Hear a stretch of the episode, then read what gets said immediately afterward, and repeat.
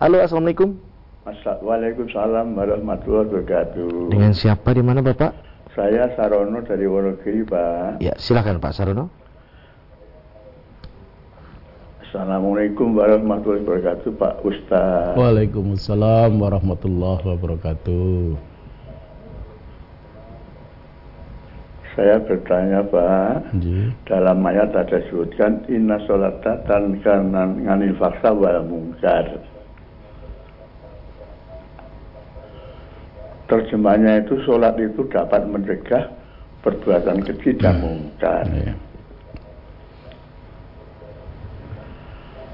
seolah-olah menurut menurut itu menurut terjemahnya itu otomatis kalau dia syarat itu otomatis mungkar dan keji itu sudah jauh dijauhkan oleh siapa mungkar Allah Allah oleh siapa Ya. jadi orangnya tidak menjauhkan diri sudah otomatis dijauhkan Ya. itu mohon penjelasannya lalu yang kedua sholat besok di akhirat itu ditanya kalau sholatnya baik maka lainnya tidak ditanya Ya.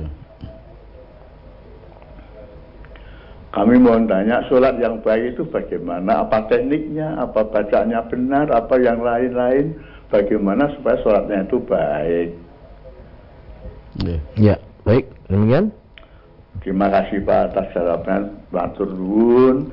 Mungkin nyona punten sejauh kalapatanipun assalamualaikum warahmatullahi wabarakatuh. Waalaikumsalam warahmatullahi wabarakatuh.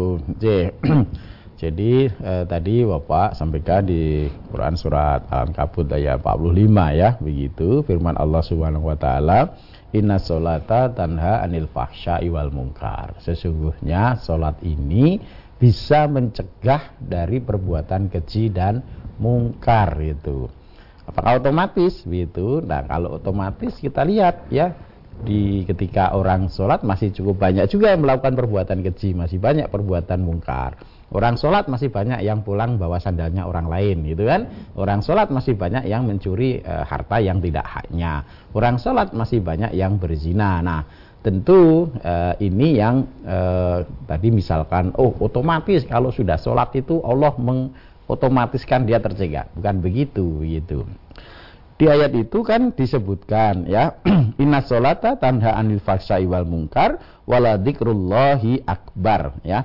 Sesungguhnya solat itu mencegah dari perbuatan keji dan mungkar. Dan sesungguhnya mengingat Allah solat itu ya.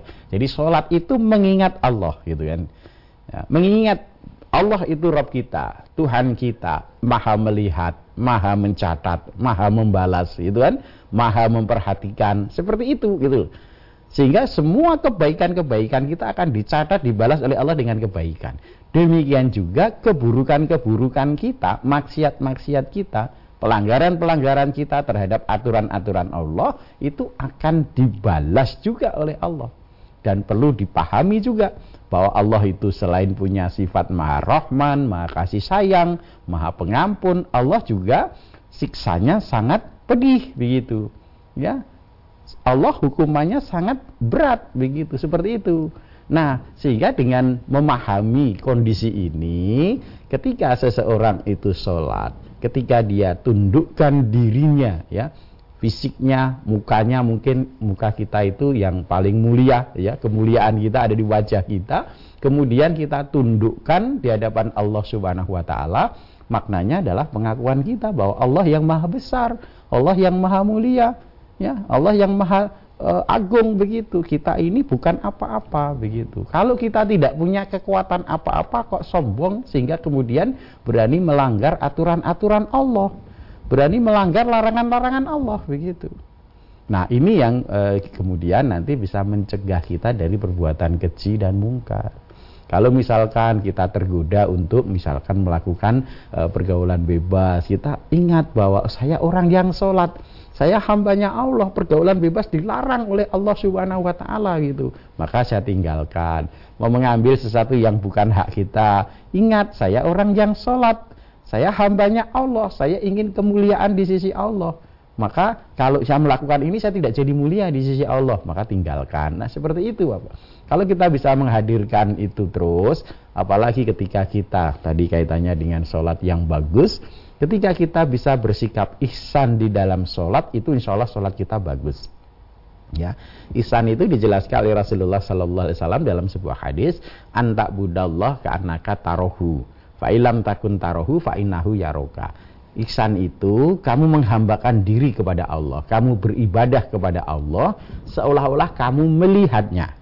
Coba bayangkan ketika kita beribadah, di hadapan kita, di depan kita adalah Rob kita yang menciptakan kita, raja kita, penguasa kita begitu, yang memiliki kita maka tentu kemudian kita akan berupaya agar sholat kita itu yang terbaik agar ucapan kita, lesan kita ketika membaca e, ta'awud, membaca basmalah, membaca al-fatihah, membaca surat, membaca tasbih ruku, membaca itidal, itu kita fasihkan ya kita tartilkan kalau bahasa e, bacanya seperti itu.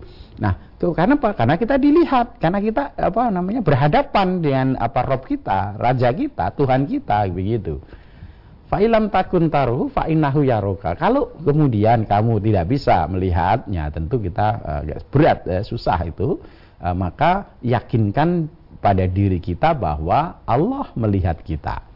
Nah, kalau kita sholat kemudian kita tanamkan pada diri kita, Allah melihat kita, Allah memperhatikan kita, maka sholatnya tentu akan kemudian kita buat sebaik mungkin, sebagus mungkin, begitu. Tidak tergesa-gesa. Kenapa? Dilihat oleh Allah Subhanahu wa taala, diperhatikan oleh Allah, diperhatikan oleh sang pemilik, sang pemberi rezeki, sang pengatur segala urusan yang kita berharap agar urusan kita dipermudah begitu. Maka kemudian sholat kita akan menjadi tumak nina ya pada posisi tertentu bacaannya diselesaikan. Jangan bacaan belum selesai kemudian sudah berpindah gerakan gitu kan?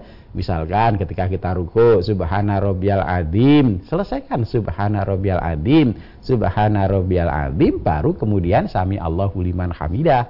Itidal robana walakal hamdu. Selesaikan robana walakal hamdu baru kemudian sujud. Nah di banyak kejadian kita sami Allahu liman hamidah itu kita lakukan ketika kemudian kita baca tasbih rukuknya belum selesai. Subhana rabbiyal adimnya sambil ngangkat. Nah seperti itu. Itu tentu e, menjadi tidak khusyuk gitu. Jadi kalau kita pengen bagus sholatnya sholat yang bagus bagaimana? Ya yang khusyuk gitu.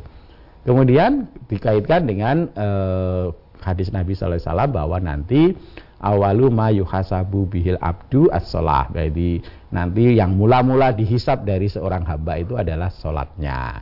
Fa'in soluhat, soluhat sairu amalihi. Kalau sholatnya baik, maka amalnya yang lain-lain baik. Sholat bagaimana? Yang sholat yang sesuai dengan e, firman Allah dalam Quran Surat Al-Ankabut ayat e, 45 ini. Sholat yang bisa mencegah dari perbuatan keji dan mungkar. Ya, itu yang insya Allah sesuai dengan e, hadis tadi begitu. Tapi kalau sholat jalan maksiat jalan sholat jalan maksiat jalan tentu bukan sholat yang dimaksud ini begitu.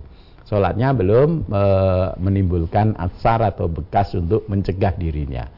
Nah ketika kita sholat itu tadi di surat al-kabut ayat e, 45 ini dikatakan kita ingat kepada Allah subhanahu wa ta'ala. Padahal ketika kita maksiat itu hakikatnya iman kita hilang.